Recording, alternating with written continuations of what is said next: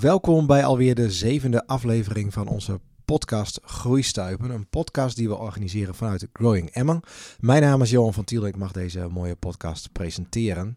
Ehm, ja, waar gaat die podcast dan over?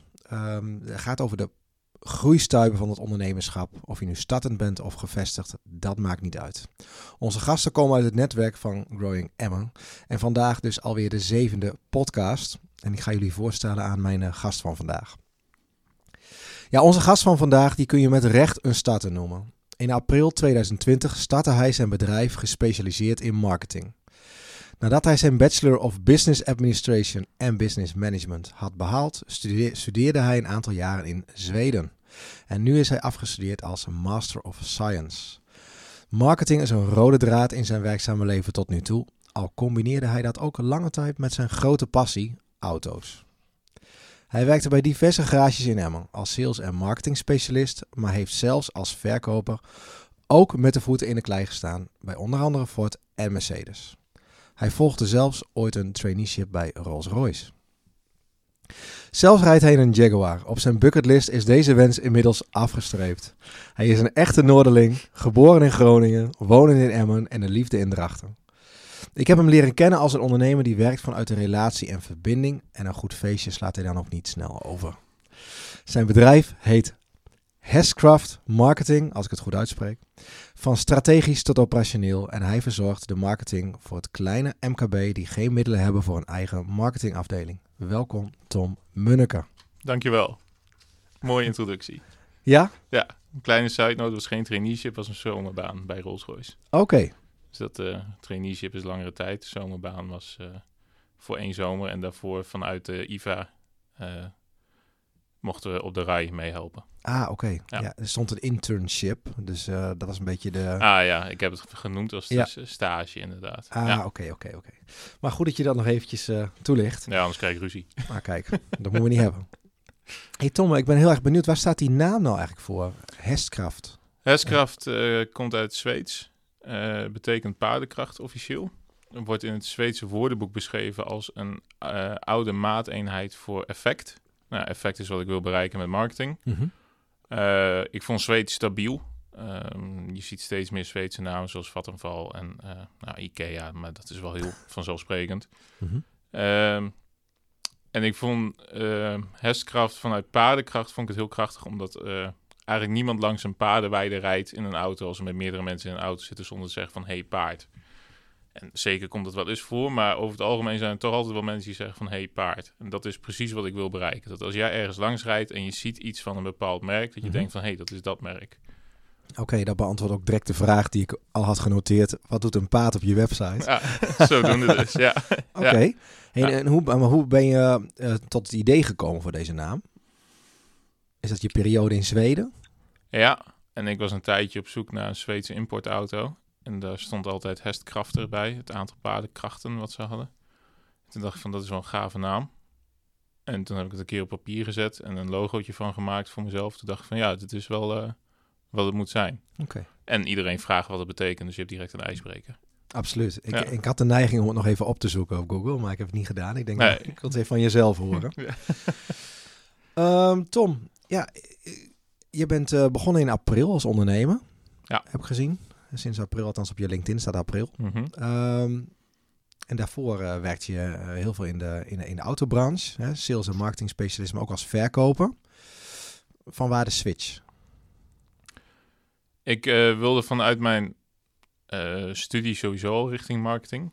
Het is alleen dat ik nooit een baan kon vinden in marketing. In ieder geval niet hier in de buurt. Mhm. Of het was uh, direct het uh, hands-on marketing, dus het operationele, wat meer op MBO-niveau ligt. Uh, dat vond ik zonde van mijn WO-master.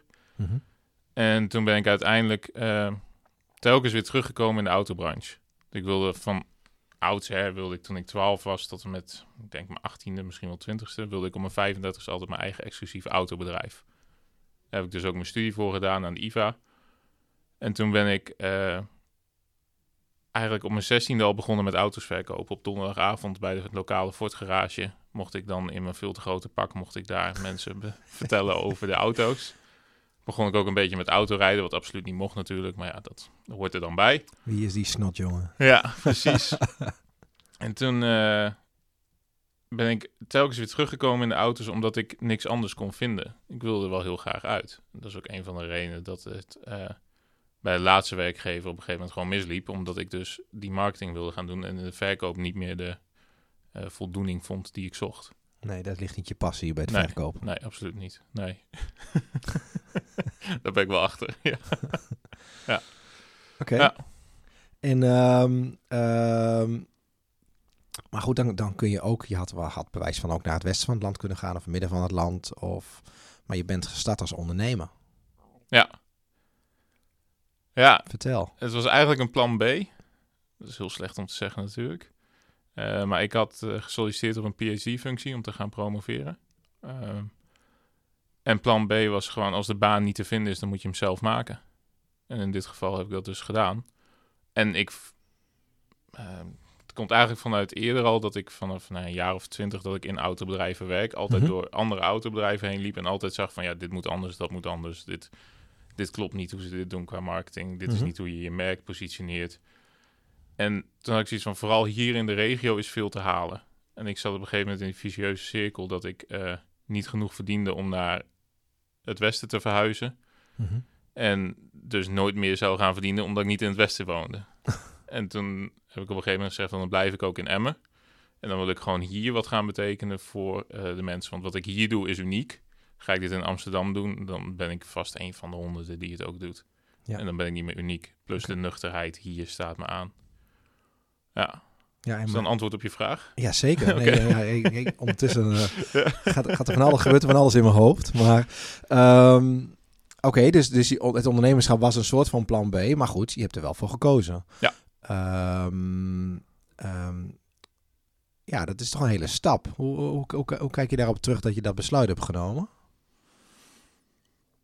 Ik, ik vind, ja, heel veel mensen... Ik, is, ik zie risico's nooit zo als risico's, denk ik. Dat je vertelde dat ik in een Jaguar rijd, dat is de meest onverstandige keuze die ik heb gemaakt. Eh, Ah, gisteren zei je tegen mij, je moet je bucketlist, je moet je Ja, is- afstreven. Dus, Zeker. eh, ik heb er elke dag plezier van. Maar als ik dan vervolgens of aan het tankstation sta... of ik sta bij de dealer omdat er weer wat mis is... omdat het een oude Jaguar is... ja, dan, dan heb je toch wel zoiets van... ja, was dit een verstandige keuze? Aan de andere kant, zodra er ook maar één iemand zegt... van hey, leuke auto, dan is mijn dag weer goed. Dan Kijk. vind ik het... dan heb ik iemand die ook passie voor heeft... en dan kan ik erover praten. mhm. En dat is eigenlijk met ondernemen ook zo. Ik ben niet zo, ja. Ik zit in een situatie dat ik qua woonlasten eigenlijk niks heb. Dus ik heb niks te verliezen. Waarom zou ik het dan niet doen? Nee. Dan kan ik veel beter het proberen. En er ook voor de volle 100% voor gaan. Mhm. En ik denk dat ik zelfs eh, het wel had gedaan als ik wel de woonlasten had gehad of iets dergelijks. Of de vaste lasten waarvan ik denk van dit eh, moet ik elke maand opbrengen. Want zoals een vriend ooit tegen mij zei, dat ging dan over eh, ook een auto die op mijn bucketlist stond. Welke was dat? Dat was een Mercedes E-klasse. En toen zei ik van ja, moet ik het doen? Moet ik het niet doen? En toen zei hij van nou, meestal als de auto er is, dan komt het geld er wel. Zo van, nou ja, je moet aan het einde van de maand toch weer die rekening overmaken voor de wegenbelasting of wat dan ook.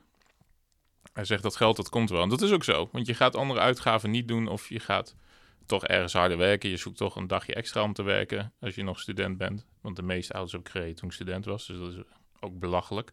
Mhm. Maar dat is wel altijd mijn insteek geweest, zeg maar. Vrouwen in mijn netwerk die zouden zeggen mannen en auto's. Ja. Och, och, och, och, och. ja, absoluut. Ja. Hey, en hoe, hoe, hoe, hoe, hoe waren je eerste maanden als ondernemer? Hoe kijk je daarop terug? Fantastisch eigenlijk. Het is, eh, het is voor mij nieuw. Als in eh, nieuw dat het zo goed gaat. Want ik vind het oprecht goed gaan. En ik had niet verwacht dat het zo snel zou gaan. Ik heb wel eh, een keer eerder geprobeerd mezelf te kunnen onderhouden met een eigen onderneming. Mhm. Ja, dat heb ik gewoon compleet verkeerd ingezet. Toen zat ik ook niet bij Growing Emma of wat dan ook. Geen enkele netwerkvereniging. Eh, toen positioneerde ik mezelf als eh, management consultant. Net van school, geen netwerk. Ik dacht dat ik een groot netwerk had, op LinkedIn wel tenminste. Mhm. Maar dat waren mensen die ik ken. Dat was geen netwerk. Mhm. Dus ik vind het goed gaan. Ik vind het leuk. Ik krijg er energie van. Dat heb ik heel lang niet gehad. Dat ik werk deed waar ik energie van kreeg. En zelfs als het nu zou falen, dan zou ik zoiets hebben van... ja, maar ik heb wel echt een toptijd gehad. Oké. Dat Maar het gaat niet falen, dat ben ik nu achter. Kijk, Het is gewoon een gouden formule die ik heb gevonden. De- Nou. Oeh, dat is een trigger, dat is een trigger. Hey, en, en, en je, je benoemde dus dat, dat toen als marketing, eh, of, of eh, nee, hoe zei je nou, management consultants, Ja. eh, consultant, dat, dat was niet direct een succes. Ehm, en nu, nu, ja, nu zit je bij Growing Emma. Hoe kwam je bij Growing Emma terecht? Ehm, via het autobedrijf waar ik de social media voor beheer, de Instagram, maak ik foto's voor. En die gaven op een gegeven moment ook aan van je moet echt voor jezelf gaan beginnen. Want dat deed ik allemaal uit goodwill, uit hobby en om bezig te blijven. En toen zeiden ze van je moet voor jezelf beginnen. En toen had ik zoiets van ja, dat moet ik inderdaad gaan doen. En eh, toen zei hij ook van dan moet je even contact opnemen met Dennis van Growing Emma. En toen heb ik op een gegeven moment gebeld en toen was het eigenlijk, ik had mijn KVK had ik binnen, dus ik denk Mhm. ja, dan kan ik net zo goed hier direct gaan zitten. En dan heb ik ook een plek om heen te gaan om te werken, want vanuit huis werkt dat niet voor mij. Nee. Ik kan dat niet. Of ik moet echt helemaal een kantoor inrichten, maar dan nog denk ik dat ik meer bij de keuken sta dan in het kantoor. Sta ik hier ook al, dus dat, wat, is, wat is het verschil, Tom? Wat is het verschil? Hey, en, en, en, en ik vroeg net ook al, hoe kijk je terug op de eerste maanden eh, van het ondernemerschap? Maar misschien nog even iets, nog iets concreter. Hoe kijk je dan nu terug op je eerste maanden bij Growing Emma? Wat heeft het je gebracht? Ik heb heel veel geleerd. Het heeft me een mooi netwerk gebracht en hele mooie inzichten. Eh, dat zijn de politiek correcte antwoorden. En, nu, Eh, en, en nu graag het echte antwoord. ja, ik haalde gewoon werk uit. Dus, eh, heel simpel, ik haalde werk uit. Had ik niet verwacht. Ik ging hier ook niet zitten om de werk uit te halen. Ik ging hier zitten om te kunnen werken. Eh, en mijn instelling, of mijn instelling, mijn verwachting van een growing Emmen was dat het nou, een flexplek. Iedereen zit op zijn eigen plekje. Niemand praat met elkaar. Niemand weet van wie wat ze doen. Ja, en dat viel me hier zo 100% mee. Dat ik zoiets heb van, dit, nu snap ik waarom het werkt. Dat een vriend Mhm. van mij ook een flexplek had in Amsterdam. Ja, die wist niet van wat de andere 100 mensen die daar zaten deden. Ik weet ook niet van alle 100 mensen wat ze doen. Hier, alle Mhm. 180. Maar ik weet wel van veel wat ze doen en bij wie ik moet zijn. En ik denk dat nog meer mensen weten wat ik doe, want dat schreeuw ik wel van de daken. Oké. Dus dat, Maar eh, oké, helder. Dus je insteek was niet om hier opdrachten vandaan te halen, maar dat blijkt dan in één keer toch eh, te kunnen. ja, het overkomt je. Ja, ja, Ja. maar hoe, hoezo overkomt dat dan? Want in je, in in toen je management eh, consultant was, lukt het niet. En waarom lukt het dan hier wel? Het stom is, ik doe nu precies het tegenovergestelde van wat ik toen deed. En dat was, toen had ik een prachtige website. Echt de beste website die ik ooit heb gezien. Vond ik zelf. Met prachtige stokfoto's van mooie grote gebouwen. En ik vond- wilde het allemaal zo groot mogelijk aanpakken, dat het heel professioneel overkwam. Ik had eh, hele mooie, duizend hele mooie visitekaartjes. Ja, duizend stuks. Ik denk, nou, dan kan ik in ieder geval een jaartje vooruit. Lekker uitdelen. Ik heb er nu nog 950 thuis liggen, denk ik.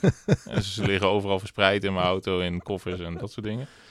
En nu ben ik eh, eerst gaan kijken van waar kan ik werk vinden voordat ik überhaupt aan de slag ga. Ik wist dat ik bij het autobedrijf waar ik de social media voor doe, had ik in ieder geval iets van inkomen. Kon ik in ieder geval iets factureren. En die had wel weer iemand die ik dan kon bellen. En dat was ook al voordat ik hier kwam. Maar goed, Mhm. die zat toevallig ook hier. Dus dat was ook wel weer toevallig. Ja, en zo komt van het een het ander. En eh, door met mensen te praten, vragen wat ze doen. En dan komt er ineens iemand terug die zegt van... hey, eh, jij doet toch marketing? Dan gooi ik je even in deze groepsapp. En dan vanuit die groepsapp komt er ook weer iemand op je af van... hey, eh, zou je ons hierbij kunnen helpen? Ja, en dan, dan Gaat het Ja. balletje rollen. gaat het rollen en dan gaat het hard ineens. Het, Ja. ja. Ja, het moet je echt overkomen, heb ik het idee. En dat kwam, overkwam het toen gewoon niet. Nee. Maar je, je, gaf net al aan, je, had een, je hebt een netwerk op LinkedIn. Hè? Die hebben we denk ik allemaal wel. De luisteraars zullen ook een netwerk op LinkedIn hebben. Ehm, maar is het dan het fysieke netwerk wat het anders maakt? Ja, ja het Of is fysieke het leren kennen van elkaar? Wat, het is het leren kennen en het is echt het fysieke netwerk. Want het LinkedIn-netwerk, eh, ik had altijd de vuistregel alleen mensen toevoegen waarvoor je ook echt iemand, of waarvoor je ook echt iets zou doen. Dus die je echt ergens naar door zou verwijzen. Mhm. Eh, op een gegeven moment laat je die een beetje los, omdat je steeds meer mensen krijgt die gewoon willen connecten. Helemaal als je baanzoekend bent. Dan, Mhm. eh, en ik wil dat eigenlijk gaan filteren, maar dat maakt LinkedIn veel te lastig om dat te gaan filteren. Mhm. Maar ik merk dat hier, als mensen mij zien en mij horen praten... en eh, ik zie mensen en ik hoor hem praten... met hoeveel passie ze ergens over praten... ja, dan word ik ook enthousiast. Ik eh, ben nu bezig met iets waarbij ik... eh, een compleet andere tak dan wat ik ooit heb gedaan. Ik kom al uit een redelijk, nou ja, productieve, efficiënte autowereld... En dan zit je nu, zit ik te kijken naar iets in de cultuur. En dan denk ik van ja, als diegene niet met zoveel passie daarover had verteld, had ik dat nooit interessant gevonden. Maar ja, het is de passie die hen drijft. Het is ook de passie die mijn bedrijf drijft. Ik denk van ja, dat, dat, dat matcht. En dat merk je op LinkedIn niet. Passie komt op LinkedIn niet naar voren, vind ik. Maar dan trek je me toch een klein beetje. Dit herken ik, hè? En dan ben ik ook, ben ik ook helemaal met je eens. Eh, als je elkaar echt goed leert kennen eh, en ook met elkaar praat en geïnteresseerd bent in elkaar, en dat je dan ook zeg maar, eh, nou, dan, ja, dat, de kracht van zo'n gewoon zo'n gewoon, gewoon face-to-face gesprek, dat is ongeëvenaard wat mij betreft. Maar goed, we leven ook in een wereld met social media. Ja. En dan zie, heb ik hier een marketing specialist tegenover mij en die zegt van ja, LinkedIn, Ja, ja, hmm. het werkt wel voor je zichtbaarheid. Absoluut. En het zal ook zeker vertrouwen wekken als ik eh, van een CEO een goede onderschrijving krijg ergens op. Absoluut. Maar tot nu toe heb ik dat allemaal gedaan zonder onderschrijving. Ja. En, en ik hoor je net iets zeggen van het, gaat niet om connecten om het connecten, maar eh, uh, online het zorgt in ieder geval uh, dus, en, dat het wel enige kwaliteit heeft. Ja, ja, en dat viel me de vorige keer dus ook heel tegen. Uh, dat ik alleen maar mensen in mijn LinkedIn-netwerk had waarvoor ik iets zou doen. Zo van, die zou ik iets gunnen, of wat dan ook. Maar dat was schijnbaar andersom niet zo. Tenminste, zo voelde ik dat toen. Mhm. Uiteindelijk was mijn product gewoon niet goed genoeg. En snap ik heel goed dat ze dat niet wilden. Maar ik blijf er wel bij dat die mensen überhaupt het gesprek niet aan wilden gaan. Of niet Mhm. even hebben gezegd van... Ton, je moet even gaan kijken of het wel klopt. En dan ik zoiets van... Ja, dan hoor je dus eigenlijk niet in mijn netwerk. Want ik vind dat mijn netwerk... Daar doe ik wat voor. Daar ben ik bereid om wat voor te doen. Ehm, ik verwacht het niet terug. Dat niet. Oh, het is geen weegschaal. Het is maar. geen weegschaal, absoluut niet. Maar dan heb ik wel zoiets van... Als er niet interesse wordt getoond... dan weet ik niet of wij op hetzelfde niveau zitten. En dat zie, je, dat zie ik heel veel op LinkedIn. Oude klasgenoten van de HAVO... die eh, ja, dan een keer op je profiel kijken ineens. Mhm. Ja, zal ik die nog aanbevelen? Nee, want ik heb geen idee wat ze doen. Nee, maar niet aanbevelen. Maar het zou natuurlijk ook eh, over een aantal jaren misschien wel een heel mooie ingang ergens kunnen zijn. Absoluut, ja. Ja, dat wel. Dus daarom ben ik ook wel een beetje eraf gestapt van... je moet wat voor elkaar over hebben. Maar nog vind ik wel dat mensen wel heel makkelijk mensen toevoegen op LinkedIn. Ik bedoel, Ja. Het is geen Instagram waar je gewoon iemand kan gaan volgen zonder schaamte. Ik vind dat LinkedIn daar wel iets professioneler in is. En dat je daar iets meer Ja. moet afwegen of je diegene daadwerkelijk ooit in je leven nodig gaat hebben. Of dat je het in ieder geval interessant vindt. Dat ook, ja. Oké. Maar dan heb je hem ook nodig, want dan wil je ervan leren. Oké. Of haar. Hey, en wat is, er, wat is er voor nodig om je op social media te onderscheiden als bedrijf? Hoe kijk je daarna? Dat vind ik heel lastig, want ik ben daar, ben daar best wel eh, klassiek in. Ik vind bedrijven die... eh, je moet je aanpassen aan het social media waar je op zit. En je moet ook kijken of het bij je merkstrategie past en bij positionering. Dat een... eh, nou, laten we het voorbeeld van Rolls-Royce nemen. Die hoeft echt niet op TikTok te gaan zitten. Daar schiet je niks mee op. Dat is een Mhm. doelgroep van 13 tot 18 jaar. Officieel is het pas vanaf 18. Maar goed, we weten allemaal dat iedereen die erop zit ver onder de 18 is. Nou, Die, eh, de meeste. Sorry. er is ook een heel volwassen tak inmiddels op TikTok, eh, kan ik je vertellen. Ja. Ja, maar die is dus ontstaan omdat ze denken dat daar hun doelgroep zit. Ja. Terwijl die doelgroep daar is gekomen en het eigenlijk allemaal aan het adverteren is en niemand aan het opnemen is, heb ik het idee. Mhm. En bij Instagram heb ik eh, hetzelfde gevoel van weet dat je publiek hier tussen de 18 en 35 is waarschijnlijk. Eh, weet dat op Facebook er steeds een oudere generatie opkomt die dat nog heel makkelijk vinden om te gebruiken. Mhm. Ik vind Facebook ook lokaal heel sterk. Maar daar ga je landelijk niet veel mee bereiken, denk ik. Denk ik, hè. Ik krijg nu vast heel veel social media marketeers achter me aan die het niet goed vinden. Die zeggen van, ja, dat klopt al niet wat je zegt. En het is een hele goedkope manier van adverteren. Je krijgt alles inzichtelijk. Maar voor naamsbekendheid vind ik het top. Eh, en ik vind, als je zegt van, wat maakt je onderscheidend? Dat is door jezelf te blijven. Door niet zoals alle andere bedrijven nu te zeggen van ja, juist nu tijdens corona moeten we voor elkaar zijn. Ja, dat zegt iedereen. Dat heb ik over anderhalf jaar heb ik dat echt niet onthouden. Dan weet ik van, nou, tien bedrijven hebben het gezegd, weet ik niet meer welk bedrijf.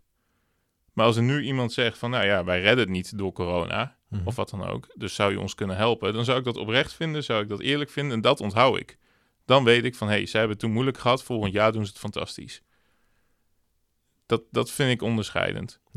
Dus hè, wat je bijvoorbeeld op Facebook heel veel ziet in mijn branche, zie je, word je praktisch doodgegooid met allerlei eh, gesponsorde coaches, die allemaal het meest fantastische verhaal hebben. En alles gratis aanbieden. Gratis, gratis, gratis. Ehm, maar dat doet eigenlijk iedereen. Ja. Dus de vraag is dan of ik dat ook zou moeten gaan doen. Ik heb daar ook niet voor gekozen, maar dat is eigenlijk ja, een beetje Nou, omdat jij gelooft in je product. Je gelooft dat het geld waard is. Ja, en ik wil niet. eh, iedereen biedt dat gratis aan, maar we weten allemaal dat het niet gratis is. Dus het is ook een soort. Ja, Ja, het is een warmhoudertje. Het is eigenlijk om te zorgen dat je alsnog inschrijft. ja dat voelt niet oprecht. En dan krijg je dus een halve informatie. En dan moet je voor de andere helft moet je betalen. Dan heb Ja. ik geen interesse meer. Dan krijg ik eerder aversie dan affectie. En dan, of je krijgt een geweldige aanbieding eh, van 3.500 voor 300 euro. Nou, Ja. Wat niet meer geloofwaardig is. Nee, dan was het dus idee. 3200 euro te duur. Ja, precies. Ja, Ja, dus, eh, dus onderscheid zeg je. Ja. Dus, eh, En ook doen wat bij je strategie past. ja dat vind ik wel heel belangrijk. Denk je dat heel veel bedrijven daar echt ook ehm, goed over nadenken, over hun eh, marketingstrategie? De grote bedrijven wel. Of volgen ze het en, jij richt je op het MKB of volgen die gewoon wat, wat ze zien in de markt? Die horen dat hun collega of conculega dat die op Facebook filmpjes plaatst. En die denken wij moeten ook filmpjes maken. Oké. En die horen dat filmpjes werken en die laten dan ineens hun hele personeel die daar niet voor opgeleid zijn of daar überhaupt geen ervaring mee hebben, laten ze ineens filmpjes maken. Dat werkt niet. Dan krijg je hele onprofessionele filmpjes. Dan krijg je niet de uitstraling die je als bedrijf wilt uitstralen. Mhm. En dan eh, krijg je mensen die een beetje ongemakkelijk voor de camera staan. Dat, je, je hebt Lilian hier ook gehad, die kan precies vertellen hoe dat moet. Maar er zijn gewoon mensen die zijn daar niet geschikt voor. Die vinden dat niet leuk. Die kunnen het zeker leren, dat geloof ik. Maar die Mhm. willen dat gewoon niet leren. Ja, dan, dan moet je ze dat ook niet forceren. En dan komt het niet over. Nee. En dan krijg je dus gemaakte filmpjes met slecht geluid. En dan zit iemand achter die laptop of op een telefoon in de trein zitten te kijken. En dan krijg je daar zo'n stom filmpje te zien van een, nou ja, een lokale verkoop van een keukenboer of wat dan ook. Van nou ja, hè, het is corona, maar wij kunnen ook op locatie komen om bij u uw keuken op te meten. Nou, die man die straalt echt niet uit dat hij bij mij gezellig op de koffie wil komen om mijn keuken op te meten. Dat Mhm. straalt hij totaal niet uit. Die man die straalt uit van ik moet een filmpje opnemen van mijn baas. En dat doe ik maar. Ik wil juist die affectie hebben met die man. Ik wil dat die man dan in beeld komt, als hij dat daadwerkelijk meent, van... hé, hey, ik kom jullie keuken opmeten, want dat is mijn werk en ik mis het. Ja, Ja. dat wil ik horen. Dat het passie een bepaalde. Ja. Echt, dus dat de woorden overeenstemmen met wat je ziet. Ja, precies. En je ziet nu iets anders dan wat je hoort, uiteindelijk. Ja, en dan komt het niet binnen. Nee. Dus, eh, ehm, dus niet zomaar achter de meute aanlopen, maar goed nadenken over je strategie, hoor ik. Eh, doelgroep. Ja. Waar, hè, wel- wel- welke social media kanalen ben- ga je dan zeg maar inzetten? En, en niet omdat het in is of omdat iedereen er daar in één keer naartoe gaat. Dat ga ik ook maar doen. Maar er goed over nadenken. Waarom zou je er dan opgaan? Zit daar in je doelgroep? Ik vind wel dat je moet Ja. claimen overigens hoor. Dat als jij een merknaam hebt en je merkt een nieuwe platform, dat Mhm. je eigenlijk direct je merknaam moet claimen. Ook Op- al doe je er niks mee. Op allerlei platforms bedoel je? Ja. Oké. Als je zegt van nou, ik ga niks met TikTok doen, moet je wel een account zijn van jouw merk op TikTok. Ja. Omdat Ja. je anders de kans loopt dat iemand anders dat account gaat gebruiken. En dan krijg je, net zoals op Facebook, je Mhm. het account klantenservice hebt. Die op berichten van Albert Heijn gaat reageren. Waardoor mensen denken dat Albert Heijn daarop heeft gereageerd. Mhm. Oké, dus wel claimen. Wel claimen en dan niks meer mee doen. Oké, ja. ja. Of misschien later wat mee doen. Dat kan ook. Als jij ineens toch een andere eh, tak inslaat of dat je een andere strategie bepaalt, dan heb je hem al wel. Ja. En dan kun je ermee verder. Oké, nou heel interessant. Volgens mij kunnen we hier nog wel eh, heel wat boompjes over opzetten. Maar ik ben ook eigenlijk heel benieuwd toen je... ehm, je bent voor jezelf begonnen ehm, in april volgens mij, eh, als ik het goed heb gezien. Hoe heb je dat aangepakt? Wat, wat heb je allemaal gedaan, zeg maar, toen je begon? Welke stappen? Dat zijn drie vragen. Ja, hoe heb je dat aangepakt? Wat heb je gedaan en welke stappen? Ja, maar laten we er één van maken. Wat heb je allemaal gedaan, zeg maar, om te starten? Ik eh, heb mijn afwijzing vanuit de universiteit twee dagen verwerkt. En de volgende dag zat ik in de auto naar Zwolle omdat ik een afspraak had bij de KVK. Heb ik me ingeschreven. Ben ik hier naartoe gegaan, eh, naar Growing Emma dus. En eh, heb ik me hier ingeschreven. En toen ben ik eigenlijk elke dag ermee bezig geweest. En dat is het vooral. Ik ben er een kleine acht uur per dag mee bezig. Aan het begin veel minder hoor, want toen moest Mhm. ik uit het ritme komen van niet werken en ineens weer gaan werken. Mhm. En toen eh, de, gewoon mee bezig zijn. Een logootje maken, kijken. Gewoon starten. Ja, gewoon het logootje maken, kijken wat ik wil uitdragen, contact opnemen met een jurist voor de algemene voorwaarden. Die houdt mij in principe een spiegel voor van wat ga je nou eigenlijk doen. Toen zat ik zo van, ja, wat ga ik eigenlijk in vredesnaam doen? Ja, en dan moet je ineens op papier zetten wat je gaat doen. En toen had ik voor mezelf een hele begroting gemaakt van, nou, dit en dit, dit ga ik ervoor vragen. En ik denk dat ik zoveel uurtjes daarmee bezig ben. Ga ik een abonnementsdienst aanbieden. Mhm. En ik ben, nou, laten we zeggen, twee maanden hier. En ik ben dus twee maanden verder en ik heb mijn hele plan al aangepast. Want ik merk dat wat ik wilde gaan doen, daar is geen animo voor. Of in ieder geval niet nu. Eh, plus, dat vind ik toch niet zo leuk als dat ik dacht. Er gaat veel meer werk in zitten, levert veel minder op. Ik wil met het strategisch bezig zijn en eh, van dat uitrollen naar het operationele. En niet enkel het operationele aanbieden. Maar waar zit, het, waar zit het dan in, zeg maar, dat je dat, dat plan is dus helemaal over de kop gegaan? Hoe, komt, ja, hoe is dat dan ontstaan, dat het dan in één keer zo over de kop gaat? Omdat je dan met een paar dingen bezig bent en dan voel je dat het niet goed is. Dan voel je dat je niet de energie ervan krijgt die je had verwacht. En dan krijg je eh, de mogelijkheid om een voorstel voor iemand te doen. En daar krijg je wel energie van. En dat is dan in die andere tak. Dat was op het strategische niveau. Oké. En dan krijg je het voorstel om voor iemand anders eh, de marketing op te pakken in een hele andere branche dan wat jij voor ogen had. Ja, en ik zat eerst op de content marketing en echt op het maken van de content. Ja, dat, dat, dat is leuk. Dat vind ik ook echt leuk om te doen. Maar het moet geen verplichting worden. En wil- dat is het wil- wel uiteindelijk. meer. Ja, Ja. precies. En dat heb je echt ontdekt toen je hier zat? Ja. Oké. Ja, gewoon door te doen.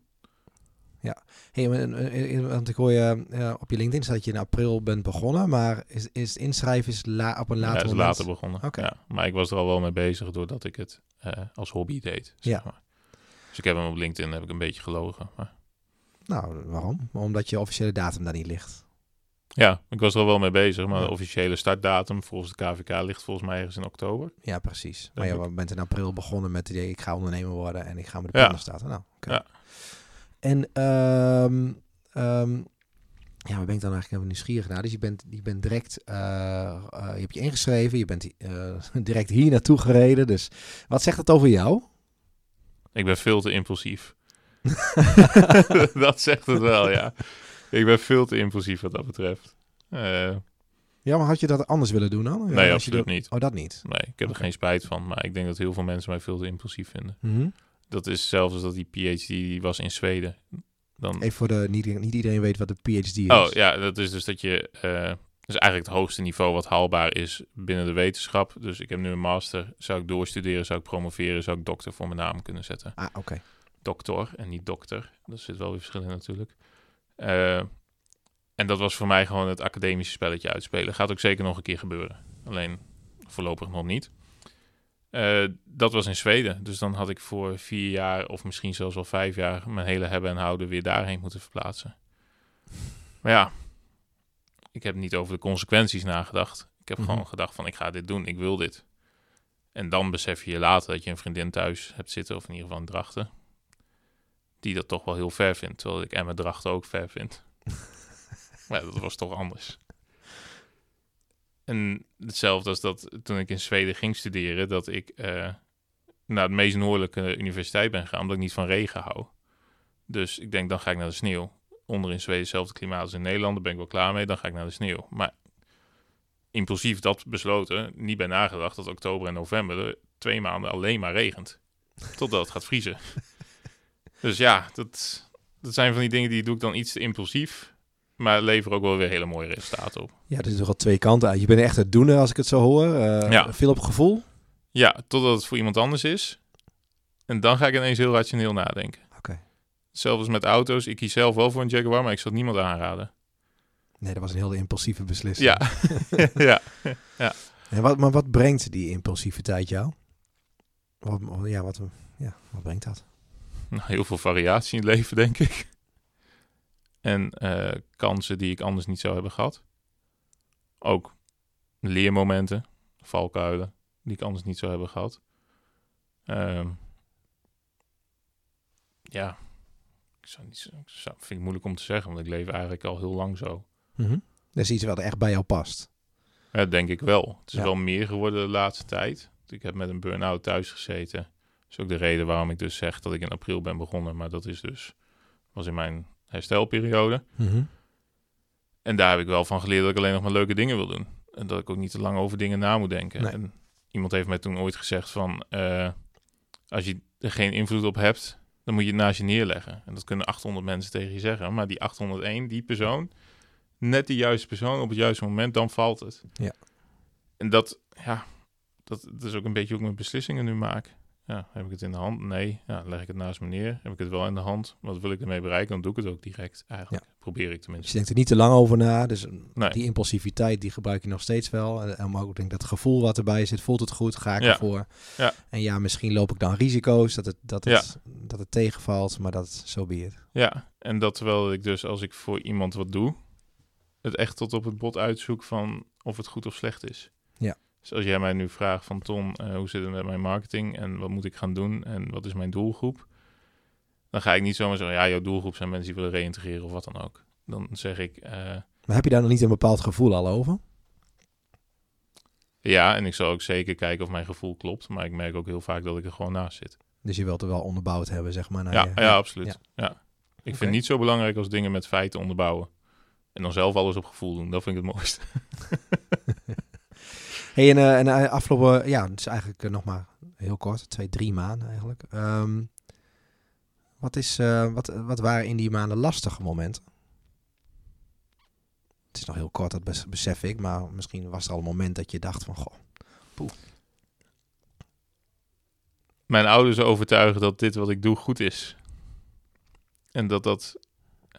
mijn ouders zijn van een andere generatie. Zijn heel erg op zekerheid gericht. En dan overtuigen dat ik eh, inderdaad geen inkomen meer heb straks. Dat ik dat allemaal zelf moet regelen. Dat ik geen vastigheid heb. Dat ik niet zomaar een hypotheek kan krijgen. Mhm. Ja, dat... Dat was het moeilijkste. Dat was een lastig En moment. dan het verwerken dat eh, je dol enthousiast zegt van... nou, ik heb waarschijnlijk een, eh, mijn eerste opdracht... en kan ik zoveel uurtjes per week... het was maar vier uurtjes per week... kan ik daarmee aan de slag. Ja, maar zou je er niet parttime wat bijzoeken? Want wat nou als je straks eh, geen inkomen meer hebt... dan waar ga je het allemaal van betalen? Ik zei nou... volgens mij hoef ik niet zo heel veel te betalen... maar, maar toen ging echt in één keer mijn hele motivatie onderuit. Dat heb ik ze ook verteld. Hebben ze achteraf ook gezegd van sorry... En ik heb ook gezegd, sorry dat jullie er niet meer bij hebben betrokken, want het is vooral onbegrip. Maar dat was het zwaarste. En afgelopen dinsdag thuiswerken, dat vond ik ook verschrikkelijk. Dus dat lukt me gewoon niet. Nee, dan kun je niet die focus... eh, Nee. Maar ik was op een gegeven moment een badkuip aan het sjouwen. Dus dat, Oh, kijk. Ja. dat moet ook gebeuren misschien. Maar, ehm, dus je ouders die, die, die, die eh, zijn geen ondernemers, begrijp ik. Dus Nee. die, die, nou, die, nou, die vinden dat dan misschien wel even lastig. En die willen natuurlijk ook het beste. Ja. Ehm, eh, maar ehm, eh, uiteindelijk, zeg maar, jij volgt je eigen kop, zeg maar, hoor ik. Dus, ja, ja, ja, dus dat was echt een lastig moment om ze daar ja, in mee te krijgen. ja. Maar ja, hetzelfde met mijn vriendin ook hoor. Die is ook wat eh, meer van zekerheid. Ja, dat, ja, ik vind het fantastisch om niet te weten wat er morgen gaat gebeuren. Ja. En heel veel mensen hebben dat niet, denk ik. nee, absoluut. Maar eh, het kan je, kan je ook soms, eh, denk ik, ook wel weer wat eh, stabiliteit brengen. En zeker als je wat impulsief bent, als ik dit zo hoor. Ja, is het ook goed dat er soms even mensen zijn die op de rem trappen, denk ik. Ja, en, waardoor je even weer denk, even wat goed gaat nadenken over dingen. ja. Hè? Met auto's en zo. Dus Ja. ja, dat soort dingen. En toch gewoon je eigen gang gaan. Ja, maar- ja. hey, en, ehm, en wat is je in de- deze maanden, wat is je, ja, waar kijk je, waar kijk je echt met, met een gevoel van trots op terug? Wat was je, wat was je eerste succes misschien wel zelfs? Ja, die hebben wij samen gevierd. De eerste factuur die ik mocht versturen. Yes, yes. Dat vond ik... eh, dat was 90 euro volgens mij, of misschien zelfs 45. Mhm. En dat is allemaal opgegaan aan bier en chips. En de airfryer. ja, en de airfryer. Maar dat, dat samen vieren, dat vond ik het meest fantastisch hier. En dat vind ik echt leuk. En er komt een keer dat we de eerste 10.000 euro mogen factureren. Dan gaan we dat ook vieren. Maar wel met hetzelfde aantal chips. Dan gaat niet alles op. Oké, dat niet. nee. nee, dat vond ik heel gaaf. En eh, dat ik... Ja, Het is een gevoel van stabiliteit dat ik elke ochtend in de auto stap om hierheen te rijden. En gewoon bezig ben. Mhm. En dat mensen mij bezig zien. En weten van, Ton is er nu echt mee bezig. En hij zit niet meer op zijn kamertje een beetje voor zich uit te staren. En dat is eigenlijk... eh, En het kaartje gisteren wat ik dan toch van mijn ouders krijg van... eh hey, jij, we zijn super trots op je. Die wordt dan even hierheen gestuurd. Doen ze Ja. eigenlijk altijd als ik een nieuwe baan heb. Wat tof. Maar dit keer de tweede keer. En toen, eh toen had ik wel zoiets van, ah, ze snappen dus nu wel wat ik doe. Dat vind ik Nou, wel dan heel fijn. moest bij hun dus ook landen. Ja. Ja. Ja. Nou, dat is tof. Dus daar voel je ook de steun nu, zeg maar. Ja, Nou, dat is wel Ja. gaaf. Ja, mooi. ik moet alleen niet zeggen dat als ik nu zeg van, ja, maar ik zit in juli in onzekerheid, dan maken ze zich wel eens horen. Terwijl ik zoiets Ja. zeg van, ja, ik heb nog vijf maanden om dat voor te bereiden. Maar alles vanuit goede intenties. Ja. Dat sowieso. Ja, Hey, en, ehm, eh, Oké, dus dat was echt wel een, wel een mooi moment, die eerste factuur. Ik denk dat heel veel ondernemers eh, die eh, nu luisteren zich dat wel kunnen herinneren, dat moment. Dat je je eerste factuur mag schrijven. Dat kwam ook al in een eerdere podcast aan, het, aan, aan bod. Ehm, ja, wat, is, wat zijn eigenlijk je plannen voor 2021? Hm. Nou ja, ik heb net verteld dat ik niet weet wat ik morgen ga doen en dat fantastisch vind. Ah, ik, dat, dat- weet ik. Alleen ergens denk ik dat je er toch wel een klein beetje over na hebt gedacht. Ik wil zoveel indruk maken dat ik zonder chaîne mijn uurtarief kan verhogen. Dat mensen denken van ja, is het ook echt waard? En het is belachelijk dat hij voor die tijd niet zoveel vroeg. Dat is uiteindelijk wat er naar voren moet komen. Kijk, alleen daar is geen heel groot uitgewerkt plan voor. Alleen dat is wel het hogere doel, zeg maar. Dat is het hogere doel. Het uitgewerkte plan is zorgen dat ik in ieder geval minimaal 20 uur per week kan factureren. Ja. En tegen welk bedrag? Ja, ik moet ervan kunnen leven, maar dan verder niet. Nee. Verder is daar geen plan voor. Ja, er moet een website komen. Er is een website met een paard erop en met, Met een een klein paard stukje erop, tekst. ja. ja. Slecht vindbaar. Maar ja, ik vind het belangrijker dat eh, mijn klanten hebben wat ze willen dan dat ik heb wat ik wil. Dat staat ook op je website, hè? Ja, Dat je dat eh, ah, volgens mij praat ik zelfs nog in de wij-vorm op mijn website. Klopt, ja. Ja, daar moet ja. ik van afstappen. Maar ja, dat was allemaal een begin gemaakt. Ja, maar je, je, je geeft ook aan, de website is nog een ontwikkeling, omdat ik belangrijker vind dat ik mijn klanten goed kan helpen. Ja. Helemaal omdat het vorige keer dus anders was. Toen had ik een prachtige website en had ik geen klanten. Ja, ik Nee. heb liever klanten en geen website. ja, dus, ja, mooi, mooi. Ja. ja en, en toch op de een of andere manier denken wij als ondernemers volgens mij allemaal dat we een goede website nodig hebben. ja, Is dat dan niet zo? vast. Ongetwijfeld. Eh, is ook zeker nodig. Alleen in de business to business is het al anders, denk ik. Dan in de business to consumer. En eh, Of hangt er vanaf wat je doet? het hangt er ook vanaf wat je doet. Ehm, ja, wat ik zeg. Ik, ik vind ook dat als ik een website heb, dan moet die echt spreken voor wat ik doe en voor Ja. welk niveau ik presteer. En dat, dat lukt me nu nog niet. Eh, daarvoor wil ik een fantastische film hebben die ook uitlegt wat hashcraft betekent. Maar dat moet echt in een speelfilm. Waarom? Het heeft nul effect. Het heeft nul extra toegevoegde waarde. Maar ik wil gewoon dat het goed is. En ik wil gewoon dat als iemand op mijn website klikt, dat ze denken van ja, dit is professionaliteit. Hier zit een heel team achter en dan zit daar zo'n broekje zit in zijn eentje zit dat te doen. Dat wil ik dat ze dat zien. Dat ze zien van ja, ik pak op de strategie mee. Ik weet precies mijn eigen merk te positioneren. Dat heb ik ook allemaal in mijn hoofd. Alleen het moet nog wel even gemaakt worden. Mhm. En dan moet er gewoon heel simpel staan wat ik doe. De mensen waar ik het voor heb gedaan. Ja, en dan heb je die, dat vertrouwen wel gewekt, heb ik het idee. Oké. Maar de mensen zullen mij nooit vanuit de website benaderen, dat geloof ik niet. Die zullen altijd ergens vandaan moeten hebben gehoord wat ik doe of wie mij kent. Ik denk dat ik nog zo goed kan scoren op Google op mar- op marketing of op interim marketing of marketingadviseur of welke tekst dan ook. Dus ik denk niet dat er zomaar iemand naar mij toe gaat mailen. Van, joh, we kwamen op je website. eh, kun je ons helpen met dit en dit probleem? Ik ga wel zorgen dat ik het heb. Dat als, het toch, als ik toch ongelijk krijg, dat het klaar staat. Maar ik denk dat het voor mijn eh, activiteiten niet de prioriteit moet hebben. Maar ja, niet zo veranderlijk als het, eh, Tom heb ik begrepen. Dus, ja, eh, precies. we ik gaan het- volgende week zit ik vol aan mijn website. ja, als we een nieuwe Ja. podcast doen, dan zeg je ja, ik zou iedereen aanraden om... Nee, maar je, je bent nog wat zoekende, maar je ziet op dit moment hier nu, nu niet het grote belang. Eh, ehm, eh, die zie je meer in laten zien wat je kan en vanuit, het, vanuit de kracht van het netwerk, zeg maar, groeien. Ja. Ja, mooi. Ehm, heb, je, eh, heb je ook al een soort missie? je Ja. bedrijf? Eh, persoonlijk of zakelijk? Zit er ook verschil in? Ja, persoonlijk is, is wel deels zakelijk ook hoor. Maar dat is overal waar ik ga een blijvende indruk achterlaten. En Ja, eh, ik net ook eigenlijk ook al gehoord, hè? Zakelijk ook al een beetje. Van ik wil echt iets. ja, Staat volgens mij zelfs ook op, eh, op je LinkedIn. ja, en zakelijk is vooral...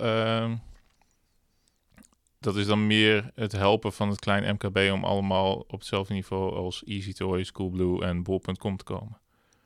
En dan niet zozeer qua advertenties, want heel veel mensen denken dat marketing advertenties is. Mhm. Maar echt de positionering. Zij weten precies waar ze zitten. Zij weten precies wat hun doelgroep is. Sluiten daar hun advertenties perfect op aan. Daarom lijkt het alsof het alleen maar om advertenties gaat. Maar zij weten gewoon precies wat ze doen. Ja. Zij weten wat hun doelgroep is. Ze weten wie ze zoeken. Eh en Erik Idema die adverteert niet in het lichtroze omdat hij dat zelf een mooie kleur vindt. Die adverteert omdat zijn doelgroep eh, jongere vrouwen tussen de 25 en 35 is. Die die kleur aanspreekt. Ja. ja dat, Erik Idema is van Easy Toys voor de mensen die het niet weten. Ja, nou, ik denk dat iedereen dat inmiddels wel weet. dus, dat, dus dat. Oké, mooi. Ja. Mooie missie. Ehm, heb je nog tips voor andere ondernemers? Vind ik altijd lastig. Nou, misschien ja, als startende ondernemer eh, kijk je misschien wel heel fris naar, eh, naar dingen. Ja, gewoon er vol voor gaan. Vol voor gaan. Ja. En ja, er zitten heel veel risico's in het leven, maar gewoon vol voor gaan. Oké, ik zit nog even hier in de podcast. ja, eh, Ramon Hoijs zegt ook gewoon doen. Ja, dat is dan dat is eigenlijk zijn, zijn, zijn motto. Is dat ook jouw motto dan? Of is jouw motto nog Nou, anders? nee, mijn motto is echt overal een blijvende indruk achterlaten. Maar daar kunnen andere mensen niet zoveel mee, want dat moet ook in je zitten, denk ik. Ehm, Maar is dat niet het ondernemerschap? Zorgen dat je overal een blijvende, on, een, een, een blijvende indruk achterlaat. goede ondernemer wel, ja. Ik denk dat er ook heel veel mensen ondernemen die niet zo denken. Denk je niet? Ehm, nou, ik weet niet of iedereen er zo bij stilstaat. Maar als je al deze mooie spreuken ziet om ons heen. D- ja, dit is een motto, maar ook misschien wel een tip. Is dan, is dan, niet, het, is dan, niet, is dan niet jouw ondernemersmotto en misschien ook wel tip? Zo- eh, zorg dat je iets achterlaat. Ja. Het lijkt allemaal heel logisch, hè? Ik bedoel, hier hangt ook gewoon doen. Lijkt ook heel logisch. Ja, ja maar het is ook ook niet- allemaal heel logisch uiteindelijk. Ondernemen is ook niet zo moeilijk. Het is heel logisch. Het is alleen, er zitten heel veel risico's aan vast en daar moet je niet door bang laten maken. Vind ik. Mhm. Tenzij er heel veel van afhangt. Kijk, jij zit in een hele andere situatie dan ik. Ehm, Oh. ja, jij hebt een gezin, jij hebt een, een mooie koopwoning volgens mij. Kijk, ik heb die lasten allemaal niet. Dus het is voor mij heel makkelijk zeggen van ja, risico's zijn niet zo belangrijk. Nee. Eh, maar ja, je moet het wel gewoon doen, denk ik. Als dat goed voelt, moet je het gewoon doen. Mhm. En dan moet je gewoon 40 uur per week erin zetten. 60 eigenlijk. Misschien wel 80. Als je er energie van krijgt, maakt dat niet uit. Maar je moet het niet part-time gaan doen. Dat geloof ik niet. Oké, dus Dat of, je gaat of je gaat er vol voor of je doet ja, het niet. als je iets doet, moet je het goed doen. En anders niet. Oké. Dat zou dan een, de quote voor aan de muur zijn. Denk staat de quote. Ja, als Als, je, je iets doet, moet je het... Ja, Doe het dan goed? doe het dan goed. Of doe het niet. En echt vooral die doe het dan niet. Als je niet, als je halfbakken werk gaat leveren, doe het dan gewoon niet. Oké. Dan bespaar je iedereen tijd en moeite. En jezelf. ook. En jezelf, ja. Ja. ja. Ja. Dus als je het doet, doe het dan goed. Of niet. Of niet. Oké, Ja. mooi. Ja. Ik, vind ik een mooie afsluiter, eh, Tom. Mooi. Ehm, leuk om jou eh, eh, te leren kennen. Je bent nog een rel- relatief jong lid. Eh, dat is denk ik ook mooi van deze podcast. Dat we allerlei leden aan bod laten komen. En van tevoren zei je van ja, maar ik ben nog maar net gestart. Ja, maar volgens mij eh, heb ik, nou, ik, ik heb hele mooie dingen gehoord. eh, en ook hele kwetsbare dingen. ehm, en denk ik vast inspiratie ook voor andere ondernemers. Dus dank daarvoor. Ehm, ja, luisteraars, dit was alweer de zevende podcast ehm Groeistuipen. Dit is ook de laatste voor 2020. In 2021 gaan we gewoon door. Ehm, horen eh, dat het veel geluisterd wordt, dus eh, dank daarvoor. En ik hoop dat we in 2021 elkaar eh, eh, weer volop mogen inspireren. En dat het een iets ander jaar wordt dan dit jaar. Al heb ik ook gezien dat door corona ook fantastische dingen zijn ontstaan. Ook hier bij Growing Emma. En eh, dan komt de echte ondernemer bovendrijven.